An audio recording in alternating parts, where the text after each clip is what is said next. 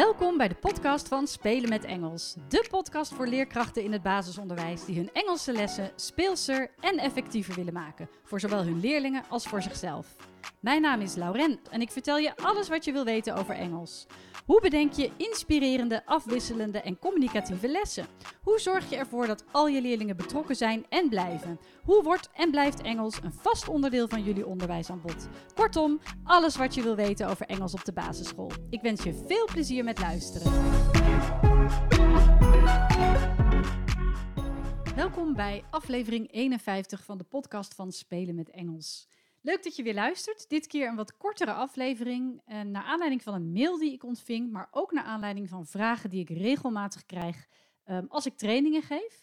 En dat is de vraag: moet ik nou Brits-Engels spreken of moet ik Amerikaans-Engels spreken? En hoe erg is het als ik Amerikaans-Engels spreek of als mijn leerlingen dat doen?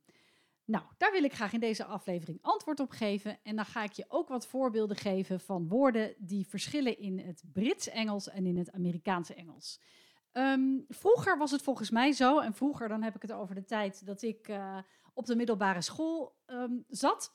En dat is alweer een poosje geleden, kan ik je vertellen, want ik ben bijna 49 als ik deze podcast opneem. Um, toen was het echt zo dat je Brits-Engels moest spreken.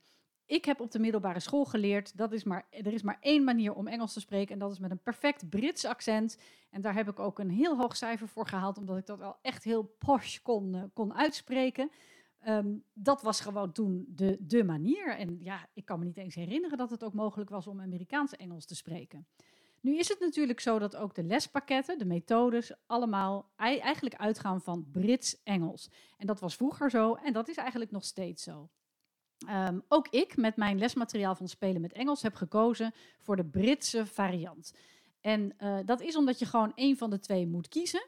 Uh, je gaat niet het door elkaar halen, want dan wordt het wel wat lastiger. En ik zal je uh, aan de aanleiding van de voorbeelden laten zien waarom. Want dat zijn er, echt, er zijn echt wel heel grote verschillen. Dus je moet voor één variant kiezen. En de methodes, de lespakketten kiezen dus vaak, of eigenlijk altijd voor de Britse variant. En dat geldt dus ook voor het lesmateriaal van Spelen met Engels. Um, in mijn geval is dat puur omdat ik dat gewoon een mooi accent vind. Ik vind het Brits-Engels gewoon echt prachtig om naar te luisteren. En dat is voor mij de reden om daarvoor te kiezen. Maar dat neemt niet weg dat je eigenlijk tegenwoordig dus ja, dat alles mogelijk is. Dus waar vroeger echt nog werd gehamerd op je moet met een Brits accent spreken, is dat nu wel echt wel losgelaten. Volgens mij ook losgelaten in het middelbaar onderwijs, maar zeker in het basisonderwijs. Het maakt dus niet uit met welk accent je spreekt. Uh, waarschijnlijk spreek je met een Nederlands accent überhaupt, maar ik bedoel of je Brits-Engels spreekt of Amerikaans-Engels. Uh, wel is het belangrijk dat je kiest. Dus of je gaat Amerikaans-Engels spreken of je gaat Brits-Engels spreken. En dat is ook, naar mijn mening, wat je moet uitdragen aan je leerlingen prima als je met een Amerikaans accent Engels spreekt. Helemaal goed, want dat is ook gewoon een taal. Maar dan moet je daar ook wel consequent in zijn en ook Amerikaanse woorden gaan gebruiken en er geen Brits-Engels doorheen gooien. Kies je voor de Britse variant, dan ga je dus ook Brits-Engels spreken en gooi je er geen Amerikaans doorheen. Dat is eigenlijk, ja, dat is mijn mening natuurlijk weer, maar dat is mijn mening. Dus kies een accent, of het nou Amerikaans of Brits-Engels is, en ga daarvoor. En um, dan zie je vanzelf bij je leerlingen, ja, zijn zij door jou beïnvloed of bijvoorbeeld door YouTube, door gamen, door internet, door liedjes. Want ik sprak dus ook in mijn lessen Brits-Engels, altijd. En ze kregen van mij uh, ja, één uur Engels in de week. Um, maar helaas, of helaas, uh, slechts een handvol leerlingen nam dat Britse accent ook daadwerkelijk over. En de rest, ja, uh, YouTube was sterker dan ik. En het gamen, het chatten met elkaar, de iPad, zeg maar, de, spelletjes. Ja, dat is zoveel Amerikaanse Engels. En ook de liedjes natuurlijk die kinderen horen. Ja, daar, daar is bijna niet tegen op te boksen. Dus dan krijg je gewoon dat, uh, dat Amerikaanse accent en dat is prima. Dus kies voor jezelf een, accent, of, hè, een, een taal, Brits-Engels of Amerikaans-Engels, of Australisch-Engels van mijn part. Ga daarmee aan de slag en zorg ervoor dat dat ook je inputtaal is. En afhankelijk van um, hoeveel je leerlingen nog buitenschool aan Engels opdoen, pikken zij jouw accent op of wordt het toch waarschijnlijk een Amerikaans accent. Nou, dat is prima. Dat Amerikaanse Engels is nu eenmaal de overheersende taal buitenschool. Wat ik al zei in gamen, bij YouTube. Uh, prima. zolang je dus maar ook heel bewust dan met die taal bezig bent. Kies als leerkracht en als leerling één taal of één accent en ga ze niet mixen. Ehm, wat wel belangrijk is, is dat je met je leerlingen het verschil bespreekt. En dat kan al vanaf, ja, vanaf heel jong eigenlijk. En dat deed ik vaak wel in het, uh, in het Nederlands bij jonge kinderen. Ehm, leg uit wat de verschillen zijn tussen Amerikaans-Engels en Nederlands-Engels. Uh, uh, Nederlands-Engels, Brits-Engels. Nederlands-Engels is weer, iets, is weer wat anders. Um, dat noem ik Danglish trouwens. Dat, je een beetje een mix maakt van Nederlands en Engels. Um, maar wat interessant is, zeker in de bovenbouw, besteedde ik daar ook echt wel aandacht aan in de vorm van één of twee lessen. Dus um, aan het begin van het schooljaar vaak. Dus als ze dat classroom English echt wel wisten, van can I go to the toilet please, can you help me please, I don't understand. Daar besteedde ik vooral um, in de onderbouw en middenbouw veel, veel aandacht aan. En als dat in de bovenbouw wel, ja, daar, dan was het eigenlijk bijna normaal vanaf groep 6, 7. Je sprak gewoon continu Engels tijdens de Engelse les. Wij begrijpen de leerkracht, wij spreken onderling Engels met elkaar. Shall we work together? Can we work in pairs? Uh, could you help me with this exercise? Oh, I don't like this exercise very much. Dus daar, daar werd eigenlijk zo natuurlijk al in het Engels gesproken dat ik ook wel wat lessen aan het begin van het schooljaar kon besteden aan het verschil tussen Amerikaans Engels en Brits Engels. Nou, daar zijn heel veel leuke filmpjes van te vinden op internet. En terwijl ik deze podcast opneem, denk ik, nou, misschien moet ik ook maar even wat um, een blog erover schrijven en daar wat links in zetten naar, uh, naar die filmpjes van uh, jongeren die dan uh, verschillende woorden met elkaar, uit, met elkaar gaan uitwisselen. Hè, is dat, is dat pavement in Brits Engels? Oh, het is sidewalk in Amerikaanse Engels. Daar zijn echt hele leuke filmpjes over te vinden. Als je gewoon googelt of, op YouTube zoekt naar American versus British, nou, dan zoek je een filmpje wat goed past bij de leeftijd en het niveau van jouw leerlingen. Sommige gaan, gaan misschien te snel, sommige zijn misschien te aanstootgevend, weet je wat, te rare woorden. Maar er zijn echt wel geschikte filmpjes. Nou, die liet ik dan aan mijn leerlingen zien. En uh, dan had ik daar bijvoorbeeld ook een werkblad bij waar, waarmee ze dan moesten gaan bedenken: oh, wat zou het Amerikaanse woord zijn? Wat zou het Britse woord zijn? Dat mochten ze bijvoorbeeld opzoeken, of dat konden ze uit het filmpje halen, of dat wisten ze misschien zelf al. Uh, daar kun je dus hele leuke uh, ja, werkvormen eigenlijk mee doen, waardoor het veel normaler wordt, maar waardoor ze ook gaan zien: wat is nu eigenlijk het verschil tussen dat Brits en dat Amerikaans? En in de loop van het jaar, in de loop van het schooljaar en de jaren daarna natuurlijk kun je dus ook, als je dan een filmpje of liedje laat horen, gelijk aan ze vragen: Is it British or American? What do you think? Bijvoorbeeld een liedje over autumn. Nou, dat zal dan wel uh, uit, uit Groot-Brittannië komen. Terwijl gaat het liedje over fall. hey, dan is het een Amerikaans filmpje. Meestal, hè? Dus dat, even, uh, dat kan natuurlijk nog verschillen. Maar in, in, vaak is dat dan zo. Dus ook heel leuk om dat weer even met elkaar te bespreken. En dan zie je dat ja, beide is goed en beide kun je leren. Um, nou, dat, dat, dus dat is, bespreek dat in de bovenbouw aan het begin van het schooljaar. Besteed daar ook enkele lessen aan. Kinderen vinden dat hartstikke leuk. En er zijn dus heel veel uh, materialen over te vinden op internet. Um, en daarnaast uh, is het ook handig om het vervolgens in de loop van het schooljaar te bespreken. Als je van internet een filmpje of liedje haalt. Dat leerlingen gelijk herkennen: oh ja, dat en dat woord kwam erin. Of dat en dat accent. Dus dan zal het wel Amerikaans zijn. Kies een taal, kies een accent en ga daarmee aan de slag. En dat geldt ook voor je leerlingen. Nou, wat zijn nu de een aantal woorden waarin echt je grote verschillen ziet. Waar gewoon een compleet ander woord in het Brits-Engels of in het Amerikaans-Engels. Daar ga ik een paar voorbeelden van geven. Dus je kunt even meeschrijven als je het leuk vindt.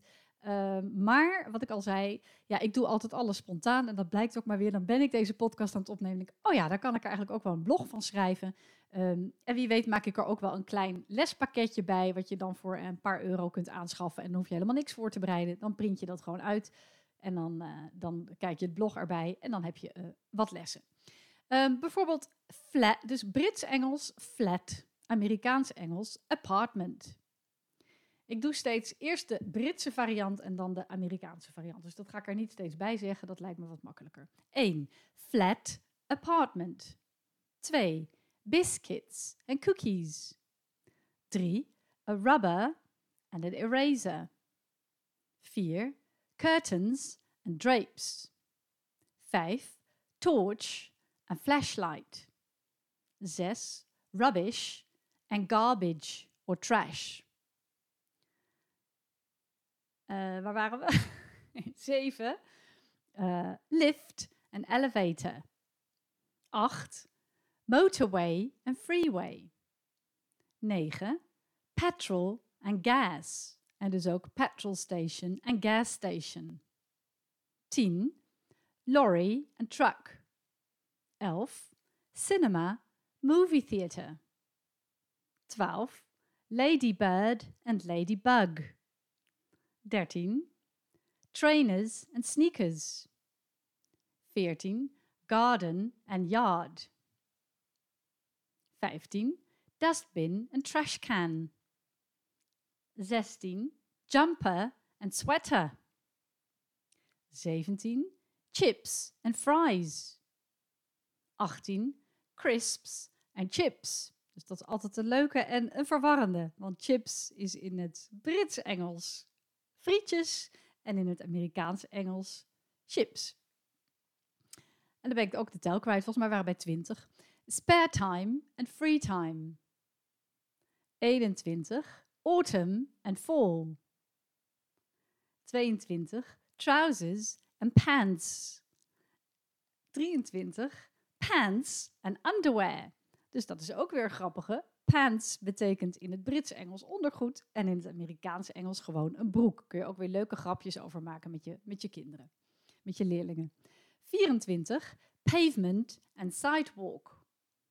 25. Voetbal en soccer. En 26. Sweets en candy. Nou, dat zijn zomaar een aantal woorden waarin het Amerikaans verschilt van het Brits. Dus dat is echt wel heel erg uh, grappig. En uh, ja, leuk om die verschillen met elkaar te bespreken. Nou, daarnaast is het zo dat ook de uitspraak natuurlijk wel anders is. En ik moest altijd, ik kon altijd wel erg uh, lachen om dat, dat leerlingen dan overdreven Brits gingen praten bij bijvoorbeeld de maanden van het jaar. Want daar hoor je het verschil wel heel erg. Dan heb je aan het eind uh, september, oktober, november. Dan eindigt het echt op BA qua uitspraak. Terwijl in het Amerikaans is dat september, oktober en november. Dan hoor je juist die R heel erg. En als je dat een beetje overdreven gaat doen met je leerlingen, blijft het ook beter hangen. Een beetje met humor erin. Uh, ja, dus leg die, leg die verschillen ook uit. En ook de A en de E. Hè. Dus um, uh, uh, bijvoorbeeld, ja, ik kan even geen voorbeeld noemen. ja, in het Brits-Engels zeggen ze ook wel tomato. Dus ja, tomato, tomato is natuurlijk een hele bekende. Um, er is ook verschil in spelling. En ook dat is dus wel belangrijk. Als jij in de bovenbouw leerlingen hebt die um, de Amerikaanse spelling kiezen in plaats van de Britse spelling, terwijl ze bijvoorbeeld de Britse spelling met jou hebben geoefend, ja, dat kan je echt niet fout rekenen, vind ik. Want het is gewoon een bestaand Engels woord. Dus als je, je hebt bijvoorbeeld color en met OU en color met alleen een O. Ja, de color met alleen een O is Amerikaans en color met OU is Brits. Net als favorite, uh, favorite met OU en favorite met alleen een O. Dus beide is goed, kun je echt niet fout rekenen. Uh, grey met een E is grijs in het Brits-Engels en grey met een A is grijs in het Amerikaans-Engels. En zo heb je ook wat woorden waarin uh, in het Brits-Engels een S wordt gebruikt en in het Amerikaans-Engels een Z, zoals realize, uh, en compromise. En zo heb je nog een paar woorden waarin die S en die Z verschillen. Uh, pyjama's schrijf je anders. Uh, dialogue schrijf je anders. Woolen, als in wol, schrijf je anders. Want woolen in Brits-Engels is met dubbel L en in Amerikaans-Engels met één L. En um, dat geldt ook voor bijvoorbeeld traveling. Traveling in het Brits is met dubbel L en in het Amerikaans met één L. En dan zijn er ook nog woorden die in het Amerikaans op ER eindigen, zoals center, terwijl ze in het Brits juist op RE eindigen. Nou, die spellingsverschillen, ja, die kun je gewoon, vind ik, niet fout rekenen. Want dat is gewoon een bestaand Engels woord en dus goed. Um, nou, als je nog meer verschillen wilt, kun je die gerust vinden op internet, denk ik. Uh, maar dit zijn wel de, ja, de belangrijkste en leukste, grappigste woorden. Die, er zitten gewoon echt hele interessante woorden tussen, die, uh, die verschillen en de spelling. Um, en dat was eigenlijk, wat ik al zei, een korte podcast, uh, bijna 15 minuten. Maar ja, wel een belangrijke. Bespreek het met je leerlingen. Begin daar al mee in de onder- en middenbouw. Bespreek het gerust ook in het Nederlands. Er zijn verschillende talen, er zijn verschillende accenten. En uh, er zijn verschillende woorden binnen die talen en verschillende spelling. En vanaf groep 6, 7 kun je, dat dus ook, kun je daar dus ook enkele lessen aan besteden en dat dan eventueel in het Engels bespreken. Ehm, mocht deze podcast online komen, uh, ik denk dat ik er dus ook een, een, blog bij ga schrijven. Dan vind je de link vanzelf uh, bij deze podcast. Moet je even naar beneden scrollen, uh, naar onder de omschrijving. En wie weet maak ik er ook nog wel wat werkbladen bij. Ik uh, dank je hartelijk voor het luisteren. Ik hoop dat je hier wat aan hebt en dat je hier uh, mee aan de slag gaat. En dat het je ook wat rust geeft voor jou als leerkracht. Omdat je dan denkt, oké, ik praat met een Amerikaans accent. Of ik heb wat leerlingen in mijn klas die met een Amerikaans accent praten. En dat is dus helemaal prima. Geen probleem, het is een bestaande taal en ook een leuke taal. Dankjewel voor het luisteren en tot de volgende podcast.